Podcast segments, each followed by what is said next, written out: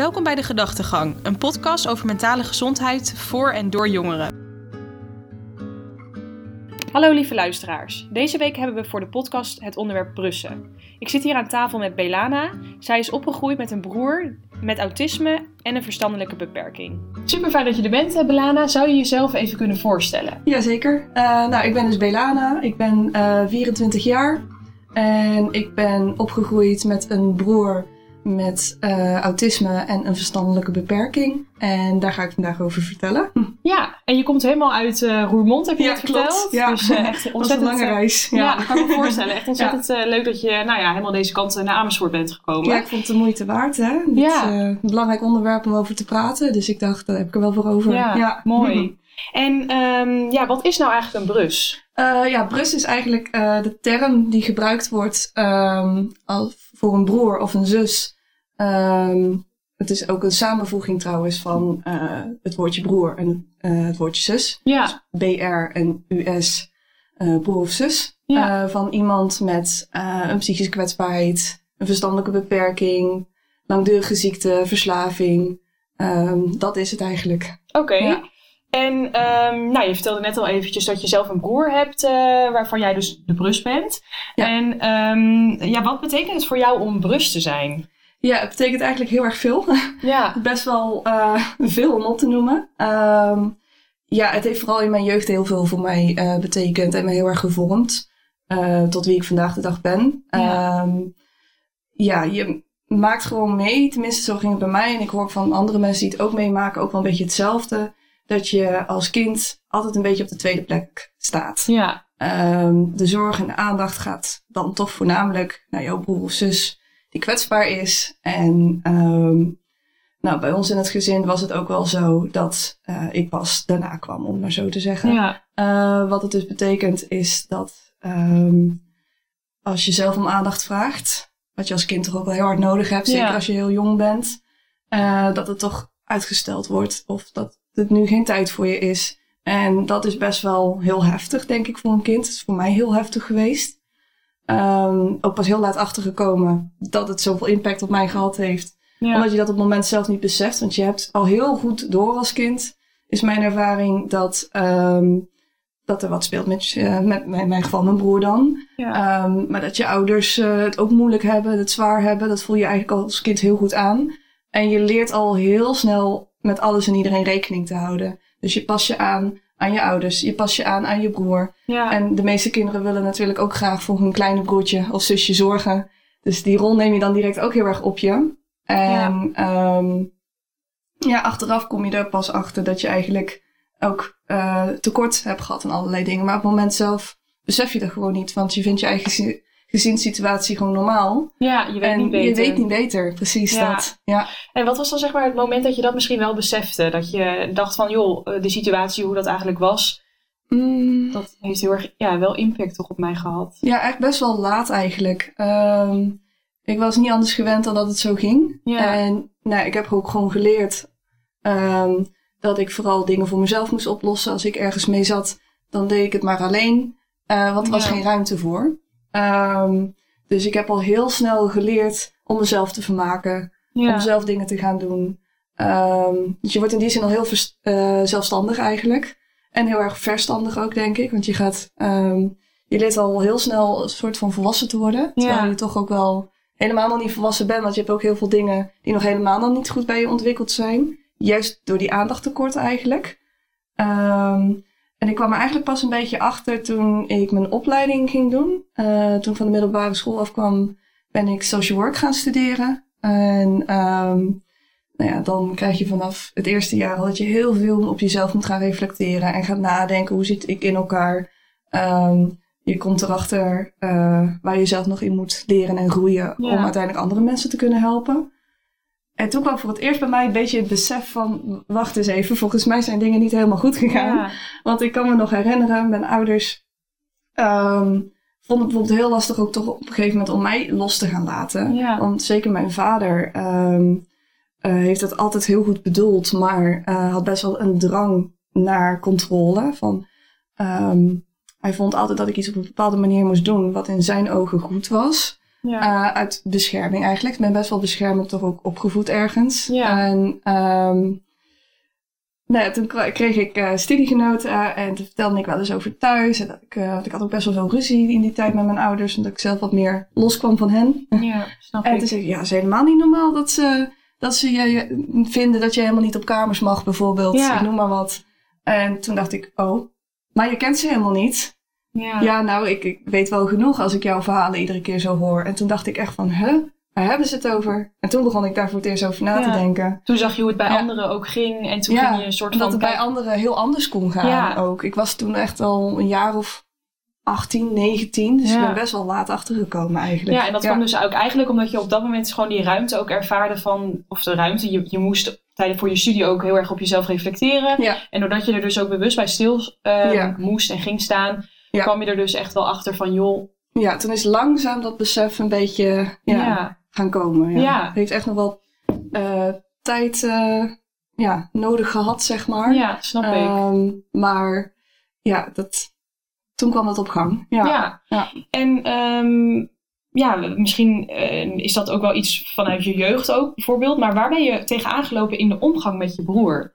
Ehm, nou, in, de omgang echt met mijn broer zelf, echt tussen ons zeg maar, Ja. eh, niet heel erg veel misschien ergens. Want we hebben altijd al een hele goede band gehad.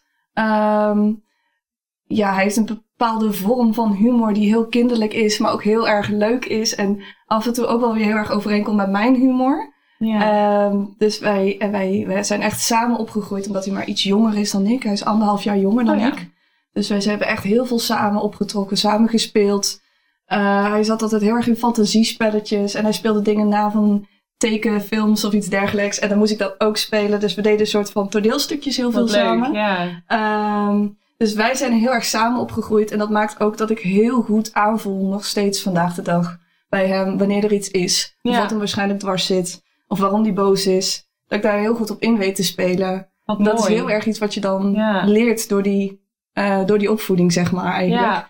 Ehm, en ehm, ja, dat maakt dat wij dus echt altijd een hele goede band hebben gehad. En ehm, wat ik denk ik voornamelijk heel lastig vind, op een gegeven moment in het begin van eh, onze puberteit, toen eh, begon mijn broer wat steeds vaker woedeaanvallen te krijgen thuis. Ja. En die werden wel steeds heftiger. En ehm, ik kan me nog wel een paar momenten herinneren dat hij heel agressief eh, uit zijn ogen kon kijken, omdat hij helemaal flipte. Ja. En daar schrok ik als kind ook heel erg van. En dan zag ik zijn ogen. En Ja. ehm, ja, dan moest ik daar, werd ik daar zelf ook heel verdrietig van. Dat vond ik wel heel lastig om af en toe te zien. Dat ik geen hele gelijkwaardige band heb met mijn broer. Ja. Ik kan niet met hem hebben over bijvoorbeeld over studeren. En de onderwerpen waar ik nu in mijn leven mee bezig ben. Want dat snapte hij helemaal niet. Ja. Hij is verstandelijk best wel laag niveau.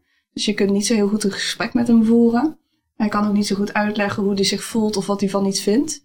Eh, dat is denk ik ook zijn grootste beperking eigenlijk. Want daardoor is het soms heel moeilijk om hem ook te kunnen helpen. Ja, snap ik. Ehm, maar op praktisch gebied is hij bijvoorbeeld een stuk beter. Want hij kan bijvoorbeeld wel dingetjes in elkaar zetten. eh, of eh, heel goed schoonmaken. En, ja. en ik ben af en toe echt heel rommelig. Dus dat is wel heel grappig hoe dat echt weer precies tegenovergestelde is bij ons. ja, grappig inderdaad. Dus ik vind het wel heel lastig dat ik niet eh, een band met mijn broer heb zoals die bij de meeste mensen is. Ja. Maar ik weet aan de andere kant ook eigenlijk helemaal niet zo goed hoe zo'n band is of zo. Nee. Dus ik weet ook niet zo heel goed wat ik je- mis Nee, misschien. precies. Ja, dat, Nee. dat vind ik heel lastig. Maar voor de rest ja, zijn er wel eigenlijk altijd eh, twee handen op één buik geweest samen. Ja. Dus Ja, en Je, je zei ook al van net van nou, eh, de omgang met mijn broer, nou hebben we het net over gehad.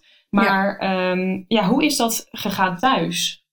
Ja, er is best wel veel gebeurd natuurlijk. Ehm, ik, voor zover ik weet, op jonge leeftijd ehm, is er is het vrij normaal gegaan, om het maar even zo te noemen. Ja, Ehm, rustig, eigenlijk eh, gewoon een normaal gezinnetje, twee kinderen, twee ouders. ja, en deden we ook leuke dingen samen. Eh, gingen we veel op vakantie. Was het eigenlijk, voor zover ik weet, geen hele grote bijzonderheden. Toen eenmaal mijn broertje richting de puberteit ging, toen werd het, zoals ik al eerder vertelde, die woedeaanval eh, steeds intenser.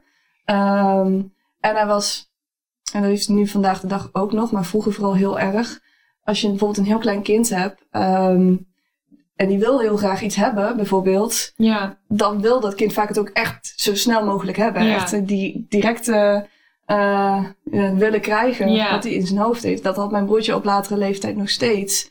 Eh, en dat was bijvoorbeeld wel heel heftig, want hij had ook totaal geen besef van geld of zo. Dus wat er wel eens gebeurde, dan waren we bijvoorbeeld in een winkelcentrum. En ehm, nou, ik, op een gegeven moment, zeker begin puberteit, ik schaamde me kapot voor mijn broer. Want hij zag er aan de buitenkant heel normaal uit. Ja. Maar zijn gedrag was heel kinderlijk en, en vreemd voor andere mensen. Ja. Dus ik schaamde me altijd verschrikkelijk. Ja, je ziet misschien ook wel Ja. onbegrip van mensen die, Ja, niet mensen die raar omkijken als wij Ja. voorbij liepen. Ehm, mijn ouders die continu onder hoogspanning stonden, want ik kon ieder moment weer uitflippen. Ja. En eh, nou, toen waren we een keer in een winkelcentrum. En toen had mijn broertje een Playmobil set gezien. Er ook eentje gewoon van honderden euro's natuurlijk, want de grootste die zijn de mooiste. Ja, tuurlijk.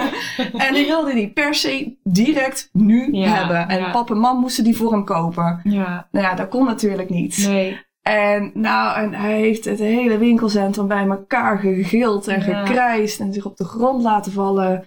Dat was super heftig eigenlijk. Ja, en snap ja, ik. het- ik liep maar eh, weg, maar ik liet- hield het natuurlijk ook af en toe in de gaten, want ik was heel betrokken bij mijn ouders en mijn broer. Ja. Maar ik vond het echt verschrikkelijk. En mijn moeder die schaamde zich ook dood en die ging ook letterlijk tegen andere mensen om, om daarheen zeggen van... eh, het is niet dat hij mishandeld wordt hoor, het is niet dat hij Nee, mishandeld wordt. Dat- ja. Want mijn ouders waren heel vaak bang dat het geschreeuw van mijn broer geïnterpreteerd zou worden als kindermishandeling. ja, snap ik. Wat Dat- dat- helemaal eigenlijk een.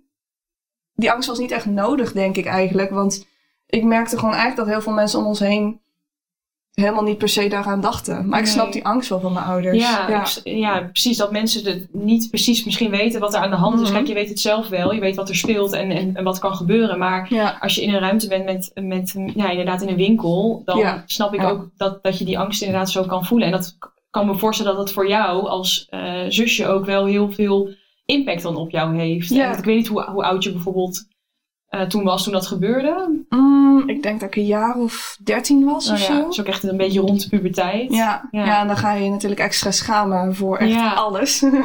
Laat Ja. staan als je dan toch ook wel een gezinssituatie hebt die ook een beetje anders is dan normaal. Want dat was ook wel een beetje het moment dat ik dat ging beseffen. Ja. Ja, Ja. dat snap ik. Ja. Jeetje, ja. En ehm, nou ja, je had ook eh, laten weten dat eh, je, je broer woont nu uit huis. Hij is toen uit Ja. huis eh, op een gegeven moment geplaatst. Klopt. Ja. Zou je daar iets over willen vertellen over het proces, hoe dat proces is verlopen toen hij het huis ehm, Ja. uitgeplaatst werd? ja, dat was best wel een hele zware periode. Een van de moeilijkste periodes uit mijn leven. Omdat er ook heel veel dingen tegelijk gebeurden. Ehm, want mijn broer was toen 13 jaar toen hij uit huis ging. En ik was toen 15. En ehm, nou ja, er was eigenlijk al dat de woedeaanvallen en ehm, dergelijke, die werden gewoon steeds, kwamen steeds vaker voor. Die werden steeds heftiger. eh, steeds agressiever, vooral ook naar mijn moeder toe. ja. Mijn moeder het heel moeilijk vond om weerstand tegen hem te bieden. ja. En mijn broertje had al feilloos door van als ik iets wil, dan moet ik bij mijn moeder zijn. Ja. Dus alles was naar haar toe gericht. Eh, en was knijpen en slaan en bijten, ehm, dat soort dingen. Ja. En schreeuwen en gillen tegen haar. Ehm, en dat was op een gegeven moment echt onhoudbaar. En het was ook gewoon de hele dag. Iedereen was alert, want hij kon ieder moment om het kleinste eh, al helemaal, eh, ja, ook eigenlijk gewoon bijna flippen, zeg maar. Ja. En ehm, dat werd er op een gegeven moment was het gewoon niet meer te doen. Nee. En ehm, nou, toen was er een tijdje sprake geweest van dat we de crisisdienst konden bellen als het heel heftig werd. Dat ik per direct uit huis kon als het nodig was. En ehm, ja, dan ehm, heb ik heel vaak ook tegen mijn moeder gezegd, want je gaat ook toch een zorgzame rol naar je ouders toe nemen, Ja. die eigenlijk helemaal niet gezond is, maar Ja, Ja, doe je op dat moment dan. doe je dat inderdaad automatisch, ja. En eh dat heb ik heel vaak tegen haar gezegd. Volgens mij is het toch goed dat je de crisisdienst belt, want we trekken het allemaal niet meer. En Ja. het, het gaat niet meer. Maar die stap is natuurlijk ook Ja, heel groot. zeker. Ja. Ja. Ik was, ik kon op dat moment gek genoeg heel rationeel blijven. Ja. Want dat leer je ook gewoon op een of andere manier aan. Jij bent degene die de rust bewaart. Ja. En, eh, maar mijn moeder was helemaal eh, over de rooien dan bijvoorbeeld. Van, eh, en aan het huilen. Van, Ja. ja, maar ik durf het ook. Ik durf ze echt niet te bellen, want dan laat ik hem achter. En dan heb ik hem in de steek gelaten. Ja. En ik snap dat ook allemaal wel natuurlijk, dat ze dat zo voelden. Maar ik had op dat moment wel zoiets van, nee, als het moet gebeuren, dan moet het wel gebeuren. Ja, en dan misschien in, Ja. eh, om, om- nou ja, in ieder geval ook voor je ouders kan ik me voorstellen dat dat misschien dan een soort van, eh, als het er verder in doorgaat, dat het dan misschien nog wel meer uit de hand zou lopen. Of misschien toch te verder eens door zou gaan. En voor jouzelf natuurlijk ook. Dus misschien ook voor de hele gezinssituatie kan ik Het me was zo voor iedereen wel het beste als hij inderdaad op dat moment snel uit huis ging. Ja, Nou, uiteindelijk is er geen crisismelding geweest. Eh is, hebben we het geluk gehad dat er toch vrij snel een plekje eh vrij kwam op een woongroep.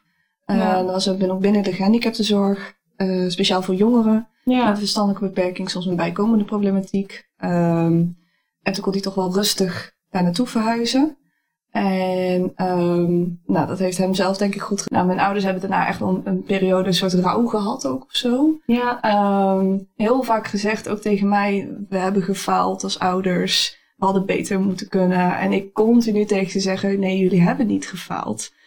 En achteraf vind ik het zo gek dat ik het allemaal als kind zo heb ja. overleefd. Maar het is echt gewoon een soort overlevingsstrategie ook. Dat, dat rustige blijven, dat Je hebt een hele blijven. belangrijke rol gehad, Ja. denk ik. Ja, zeker. Ik heb Ja. iedereen wel een beetje overeind moeten houden of zo. Ja. Maar ehm, tegelijkertijd was het voor mij ook heel heftig. Want op dat moment was het ook nog zo dat mijn oma, met wie ik als een van de weinigen in mijn familie een hele goede band had.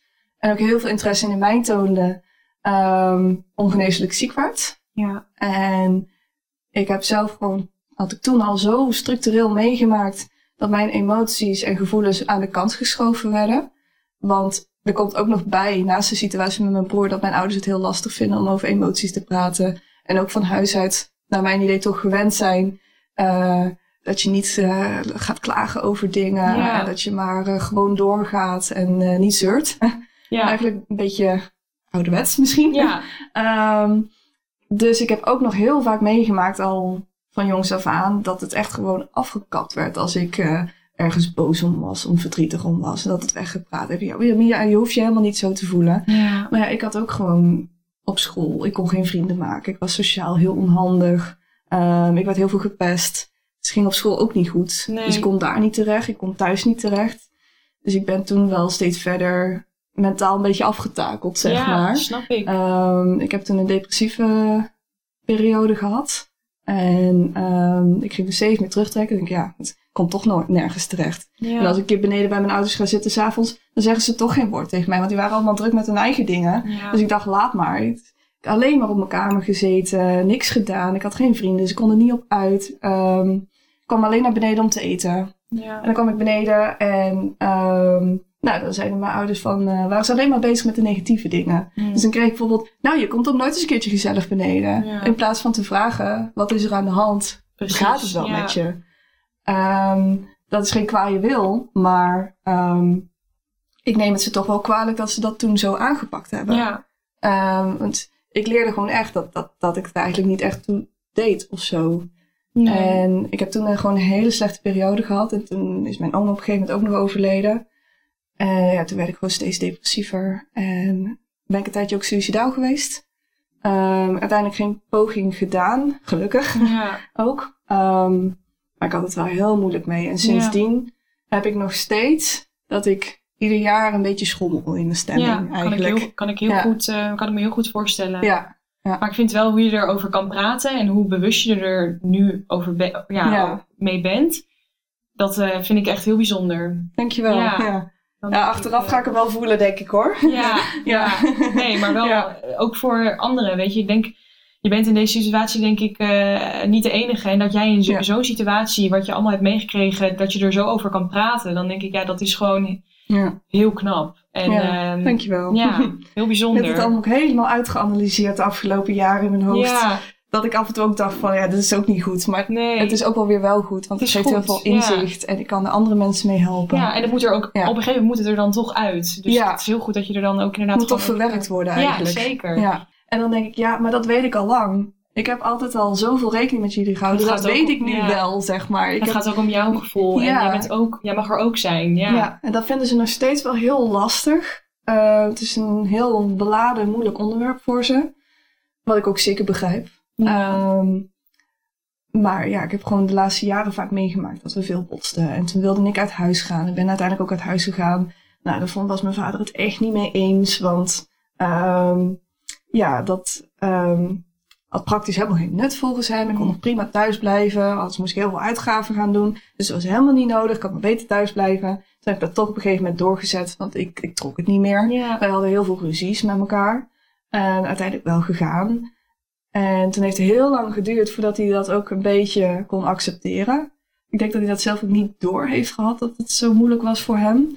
Maar hij was gewoon continu bezig met ik kom even langs en kijk even hoe het gaat. En dat hij opeens, terwijl ik op mijn werk was of zo, of op de studie was, uh, Ja. had hij opeens mijn hele kamer veranderd en opgeruimd. Want het moest maar op de, die manier. Oh, ja, ja. Dat ik echt dacht dus van, huis woonde. Laat me los alsjeblieft. Ja. ja, Ja. dat snap ik. Maar dat is wel stapsgewijs echt wel steeds minder geworden. Dus dat is wel heel fijn. En, ehm maar mijn vader was echt wel eh, niet de makkelijkste eigenlijk Nee. ook hoor. Want hij wilde ook thuis altijd dat het op zijn manier ging. En als ik er tegenin ging, nou dan kon hij ook wel uit zijn slof schieten. Ja, En dat heeft hij echt niet doorgehad. Maar ja, er is bij hem ook een vermoeden van autisme. Hij ja. is zelf alleen nooit gediagnosticeerd, want was in zijn tijd toch wel veel minder aandacht voor dan nu. Ehm, maar het is wel heel mooi dat hij de laatste tijd ook wel begint in te zien van... ehm, heb misschien toch ook wel wat eh, dingen gedaan die niet helemaal goed waren. Of hij zei in ieder geval tegen mij een tijdje terug van... Het is misschien niet allemaal gegaan zoals het had moeten gaan. ja. Hij kan alleen niet helemaal letterlijk benoemen wat dan. Nee, maar, hij, dat hij dat algemeen al ja. omschrijft, vind ik al heel bijzonder. Ja. Daar ben ik heel blij mee. Ja, kan En hij heeft toen ook een keer tegen mij gezegd: eh, Misschien moet ik toch eens wat proberen wat dingen recht te gaan zetten of zo. Ja, En nou, dat is gewoon heel fijn. En hij appt nu vaker naar mij toe: Hoe gaat het? Eh, zullen we een keertje wat gaan doen? Kan ik je nog ergens bij helpen? Want hij heeft bijvoorbeeld een hele goede praktische steun. wat heel fijn is. Ja, Want ik kan echt geen kastje of iets in elkaar zetten, bijvoorbeeld. Dus ja. dus daar kan hij je ehm, mooi bij helpen. Ja, het contact tussen hem en mij is een stuk beter geworden. Ehm, het contact met mijn moeder blijft wel heel lastig. Oké. Ehm, want, ja, hoe moet ik dat uitleggen? Mijn moeder heeft altijd al wel gehad dat het voor haar altijd al een beetje te veel was allemaal. Ja. Eh, de zorg voor mijn broer en dan ook mij erbij. En eh, zij was continu overbelast. ja, En ehm, zij leunde daardoor heel erg op mij als van jongs af aan al. ja. Eh, zocht heel veel bevestiging bij mij en steun. En ik heb haar heel veel getroost vroeger. En ook pas dat ik er achteraf pas achter kwam. Wow, dit is helemaal Ja. niet zo normaal eigenlijk. Dat ze dat allemaal van mij vraagt. Klopt, ja. Ehm, ik weet wel dat zij heel weinig bevestiging in haar eigen jeugd heeft gehad. Van haar ouders. Ehm, dus dat ze dat misschien dan toch later nog gaat opzoeken. Nou, in dit geval dan bij haar dochter, zeg maar. ja, Ehm, en ja, ik vind het ook wel heel lastig dat als zij heel vol zat in haar hoofd of zo, dan reageerde ze de frustraties wel eens op mij af. ja. Echt als kind al. Dus als mijn broertje bijvoorbeeld weer heel boos werd of er was weer van alles aan de hand, dan, kreeg, dan werd ik afgesnauwd. ja. En als ik dan ergens om vroeg of iets zei, dan kreeg ik direct een snauw terug. Of ze maakte lelijke opmerkingen naar me soms. En dat vind ik echt niet oké. nee. En eh, wat ik ook heel lastig vind, is dat mijn vader het in die tijd heel vaak goed gepraat heeft. Ja. Van ja, je moet toch maar begrijpen dat je moeder het moeilijk heeft. Ik, ja, maar dat begrijp ik ook. Ja, dat ja, begrijp precies. ik allemaal wel. Ja, Maar dat was eigenlijk de enige reactie die ik terugkreeg de hele tijd. En ehm, nou, mijn moeder neemt vandaag de dag nog wel, naar mijn idee, weinig initiatief in het contact tussen ons. Dus ze doet eigenlijk best wel weinig, vind ik. Bijvoorbeeld een keer een appje of hoe gaat het, of zullen we wat gaan doen. Meestal is het zo, als ik contact met mijn vader heb bijvoorbeeld, dan, ehm, dan gaat ze vanzelf ook een keertje appen, want dan denkt ze er een keer aan. Maar Ja. het er zelf gaat op de een of andere manier heel lastig. Dus toen heb ik nog heel lang nagedacht van, ehm, ehm, ga ik dan meer in het contact investeren? Ga ik dan meer initiatief nemen of wil ik dat niet? En dat vond ik een heel lastige vraag. Want ik had ook zoiets van, ja, aan de ene kant wil ik echt niet degene zijn die continu eh, om mijn moeder moet vragen, zeg maar. Ja, Eh, aan de andere kant heb ik toch ook wel heel veel behoefte aan contact, want dat blijft je moeder natuurlijk. Ja. En die bevestiging, die zoek je toch altijd. ja, Kun je niet omheen. zeker. Ehm, en toch heb ik uiteindelijk een tijdje geleden besloten om het een beetje te laten. Dus zelf niet continu achteraan te gaan. Ehm, mijn ouders die komen af en toe wel bij ons op bezoek. En eh, dan neemt mijn vader meestal het initiatief. En dan Ja. komt mijn moeder toch mee. En dan spreken we elkaar toch. Ja. En eh, ik hou het wat oppervlakkig. Niet te veel de diepte ingaan over wat er vroeger gebeurd is bijvoorbeeld. En ehm, dat maakt het contact op dit moment best redelijk gaat. Ja. En ik ben heel blij dat als ze nu komen, dat we dan ook echt wat leuks gaan doen. En dat het gezellig is. En mijn vriend is er dan ook bij. Dan gaan we met z'n vieren even wat leuks ondernemen. Ja. En dan zijn ze ook eventjes helemaal weg van mijn broer, zeg maar. Ja. En dat maakt ook dat ze even die ruimte hebben om, eh, ja, om daar even, dat even los te laten en even wat leuks te gaan doen. En die mo- momenten worden ook gewoon steeds fijner. ja, klopt. dus dat is heel erg prettig. Ja. Ja, dus, Ja. dus dan, dan is daar gewoon even wat, eh, wat meer ruimte ook voor, zeg maar. Als je dan even met z'n vieren die tijd neemt en even wat Ja. leuks gaat doen, dan heb je ook, Ja. ervaar je ook die ruimte om even... Ja. eh, Precies. En ik ben er ook fijn. heel dankbaar voor. ja. En we hebben natuurlijk heel veel meegemaakt. En ehm, ik zit nog steeds in een tweestrijd, ook nu, van wat ik over mijn ouders vertel. Van, dat is heel heftig om zo uit te spreken, ook naar hun toe. kan ik me heel goed voorstellen. Eh, dus dat blijft lastig. Maar ik wil er toch heel graag eerlijk over zijn. ja. Want het is wel zoals het is. En ehm, er moet meer aandacht voor komen, denk ik. Daarom doe ik dit ook. Eh, maar aan de andere kant ben ik ook wel weer heel dankbaar ervoor dat het contact nu de laatste tijd met mijn ouders steeds beter gaat. ja, ook heel mooi dat je dat ziet. En, Ja. ja. ja. En ik moet toch accepteren dat het gaat zoals het gaat. ja. Heel, echt heel knap Ja. van je. Heel mooi. Het is nog vaak lastig hoor, maar Ja. ja, het gaat Nee, maar dat, beter. dat je al zo ver, eh, dat je dit zo kan doen, dat zegt al wel hoe ver je erin bent en hoe bewust je ook van, van dingen bent. En dat vind ik heel Ja. knap. Ik denk dat het jezelf ook wel eh, verder brengt, zeg maar, op deze manier. Ja, dat denk ik ook wel, ja. Ja. ja. En, ehm, nou ja, hoe heeft het bewustzijn jou gevormd? Ehm, ja, op allerlei manieren. ja. Eh, wat ik sowieso al vertelde natuurlijk eerder, eh, is dat je al heel snel een zorgzame rol gaat aannemen naar iedereen. Dus je leert gewoon heel goed andere mensen aan te voelen eigenlijk, wat hun nodig hebben. Eh, je wordt heel zorgzaam. Ja. En, Je hebt so- social work gestudeerd, ja, ook. Is dat klopt. ook een keuze geweest, denk je, omdat je dat toch Ja. onbewust hebt meegenomen? Of Ja, bewust misschien wel? Zeker. Ja. En dat is eigenlijk ook, zeker omdat we, ik bijvoorbeeld in mijn puberteit ook niet zo heel veel vrienden om me heen had. Dus heel veel thuis zat, in mijn eigen gezinssituatie zat. Is eigenlijk ook een beetje het enige wat ik kende Ja, toen de tijd. Achteraf gezien denk ik, als ik nu nog helemaal voor het eerst een opleiding zou moeten gaan doen, had ik misschien echt wel iets heel anders gekozen. Omdat ik nu wel verder ben, zeg maar, en andere dingen heb leren kennen. ja, Maar toen op dat moment wist ik niet beter dan dat. Dus ik was echt zo'n, zo'n ja, heel erg een hulpverlener, zeg Ja. maar. En ehm, nou, je- je leert er ook gewoon sneller zelfstandig van te worden. Wat ik wel merk, en dat zullen denk ik heel veel andere Brussen ook wel herkennen, eh, is dat je een beetje met je identiteit eh, worstelt. En dat heb ik op het moment ook nog wel. Dat is nu ook heel erg gaande eigenlijk. Dat ik gewoon merk van ja, oké, ik ben dus nu afgestudeerd als eh, sociaal werker.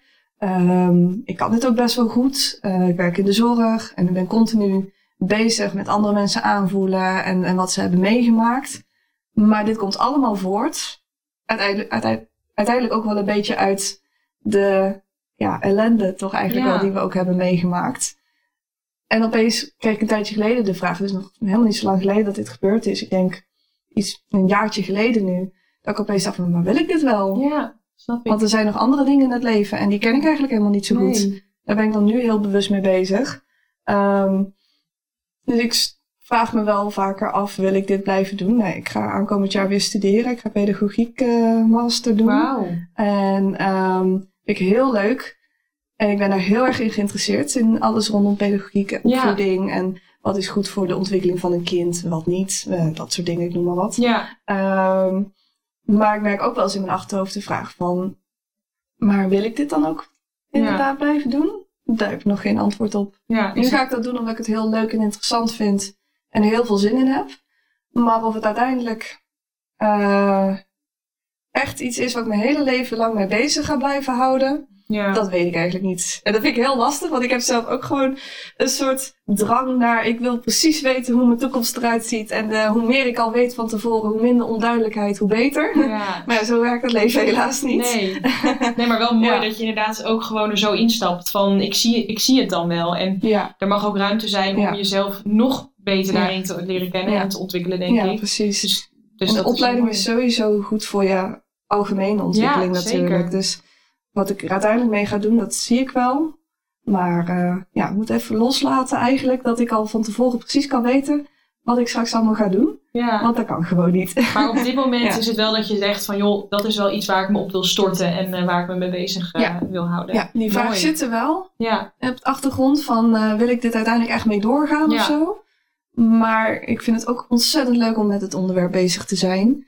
Dus voorlopig heb ik zoiets van ik ga er lekker voor en ik heb er heel veel zin in. Ja. Ja. Ja. Ik kan me voorstellen, ja. En ehm, ehm, waar ben je, want je gaat dus die master nog doen. Waar Ja. ben je nu verder zelf nog mee bezig? Ben je nog aan, verder aan het studeren? Of heb je dat je nu aan het werk bent? Eh, op dit moment ben ik aan het werk. Want ik heb vorig jaar, eh, vorig studiejaar, mijn opleiding eh, social work afgerond. Nou, toen, daarna ben ik verhuisd. Van, eh, ik woonde eh, in eerste instantie nog een tijdje hier, hier in Gelderland. En ehm, nou, toen heb ik mijn vriend heb ik een paar jaar geleden leren kennen Ja. in eh Roermond. Dat is een eh, echte Limburger. ja. En we wilden daar heel graag samenwonen, want ik voelde me ook heel erg thuis in Roermond. Het is toch een beetje het Limburgse cultuurtje. Daar zijn vaak heel veel van die clichés over, maar dat kloppen ook eigenlijk best wel. ik vind het daar heel eh, prettig. Ik voel me daar heel erg op mijn plek. Wat fijn. En eh nou, toen had ik zoiets van, nou, daar wil ik ook naartoe verhuizen.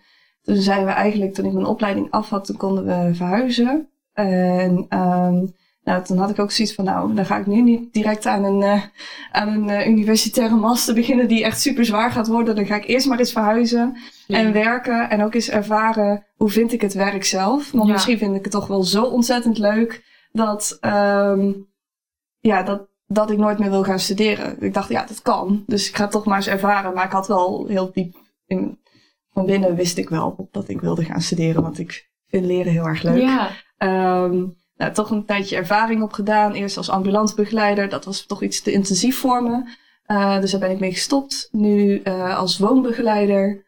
eh, voornamelijk met jongeren.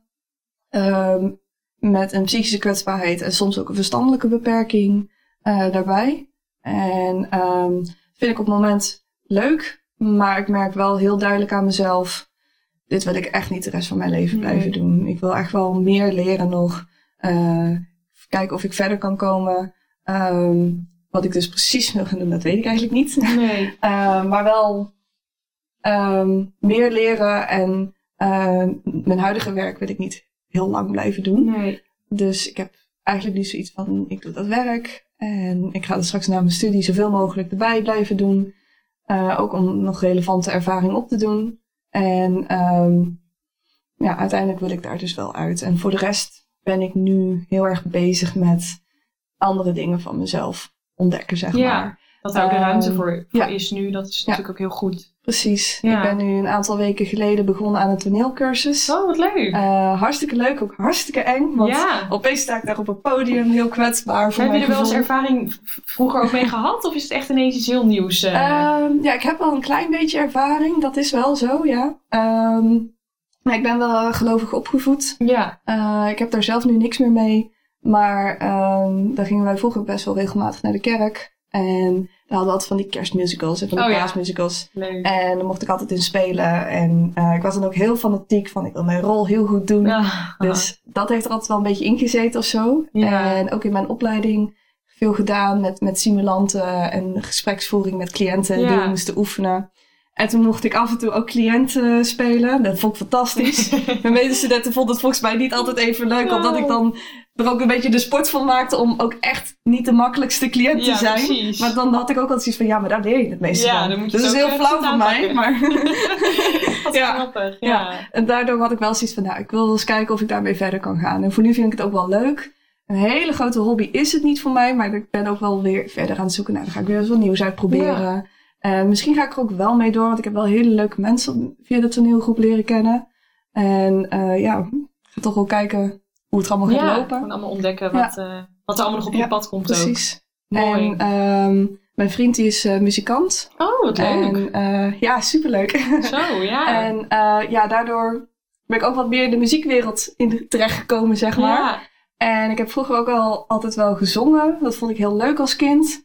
En dan daarna word je wat ouder en dan schaam je je en dan wil je dat niet meer doen. Want, oh. ja, kom je in die fase terecht. Ja, precies. Kom je er ook weer uit op een Ja. gegeven moment. En dan, En ik vond het altijd super eng om te zingen, ook voor mezelf. Want dan hoor ik mezelf en dan dacht ik, oh, vreselijk. en, ehm, maar toch heeft het altijd wel een beetje gekriebeld om dat gewoon te blijven doen. Vooral voor de lol. Ja. En nou ja, sinds kort ben ik gewoon veel met mijn vriend samen aan het zingen. En hij weet wat meer van de zangtechnieken en helpt me daarin een beetje. En dat is ook weer iets heel nieuws eigenlijk, waar ik nooit heel erg veel mee bezig ben geweest. En op die manier probeer ik me eigenlijk op allerlei andere vlakken te gaan ontwikkelen. ja, Ja, snap ik. Ja. Dus Mooi. ik op deze manier eigenlijk een beetje. Ja, ja. mooi om te horen. ja. En ehm, nou, dan heb ik nog één vraag, waar, wat me wel een mooie vraag lijkt om er ook mee af te sluiten. Want Ja. ja. ja, welke tips heb jij voor mensen die ook brust zijn? Dat vonden we eigenlijk nog best wel een lastige vraag. Want je zit eigenlijk als brust zijnde wel eh, toch in een situatie waar het heel lastig is, denk ik, om de juiste hulp te vinden. Ehm, wat wel zeker een tip is, denk ik, is als er heftige dingen gebeuren, dat het goed is om te weten dat niet alles normaal is en niet altijd alles oké is. Weet je, ik heb zelf gewoon meegemaakt met mijn ouders dat ik er niet zo heel goed op terug kon vallen, helaas. Ja. Ehm, eh, als je als brust zijnde wel goed contact hebt met je ouders, is het denk ik vooral belangrijk om dat goed te houden. En ook om aan te geven waar jouw behoeftes bij liggen, zodat mensen er rekening mee kunnen houden. Ik geloof dat dat heel moeilijk is, want je, je leert toch wel van, eh, ik ben zelf toch minder belangrijk dan mijn broer of zus. Maar toch is het zo dat ieder kind even, ja, echt diezelfde aandacht gewoon verdient. Ja, En dat is wel denk ik heel goed om te blijven beseffen. En nou ja, dat je ook tijdig om hulp vraagt als je het nodig hebt. Dat je bij iemand terecht kan, eh, bij wie je je verhaal kan doen en je ook echt verder kan helpen daarin. Dat vond ik zelf heel lastig, omdat ik soms wel eens eh, dingen verteld heb aan mensen die me niet zo heel goed konden helpen. Eh, dus ik vind het ook heel lastig om daar een goed advies in te geven van nou dan moet je echt bij die of die terecht, want dat verschilt heel erg per situatie. Maar ik hoop vooral dat een, een brus altijd iemand weet te vinden eh, bij wie je je verhaal terecht kan. Eventueel lotgenotencontact is denk ik heel goed. Ja. Eh, dat je toch die stukje erkenning eh, bij elkaar hebt. ja. Eh, dat je elkaar begrijpt, want dat kan gewoon heel, heel erg veel steun geven, denk ik. Ehm, ja, ik denk dat dat de belangrijkste adviezen zijn. Maar het is echt niet makkelijk. Nee, nee. maar dat is ook En- wel goed ja. om, om te, ja, te benoemen, denk ik. Van, dat je dat besef ook mag hebben van, het is ook niet makkelijk. Nee, inderdaad. Ja. Mooi. En het is helaas gewoon vaak ook zo dat je toch niet altijd soms ja, toch de aandacht krijgt die je eigenlijk wel nodig hebt. ja, En voor iedereen is het denk ik anders hoe je daarmee kan leren omgaan. Dus dat vind ik heel lastig om, om Ja. iets over te zeggen. is ook inderdaad per Ja. situatie natuurlijk heel verschillend. Maar Ja, wel heel, precies. heel mooi wat je ook inderdaad aangeeft. Van, dat je ook mag beseffen van soms gaan dingen ook wat niet per se. eh, dat het niet per se zo hoort te gaan. Dat, dat je dat ook mag beseffen. En, Ja. eh, Ja. Mooi. Want je vindt als kind toch je eigen gezinssituatie normaal. ja, En het is goed om te beseffen dat als eigenlijk continu jij op de tweede plek komt te staan, dat dat niet helemaal is zoals het zou moeten. ja. Dat eigenlijk. Ja. Ja, Nou, hartstikke mooi. Bedankt eh, voor dit hele mooie gesprek. ja. En heel dat graag zo, gedaan. eh, ja, en dat je zo open wil zijn. Echt, eh, nou, heel erg bedankt. Ja. Graag gedaan. Super. Heel erg bedankt voor het luisteren. We hopen dat je er wat aan hebt gehad. En mocht je zelf een keer mee willen doen in een van onze podcasts, stuur ons dan een DM op Instagram. Hopelijk tot snel.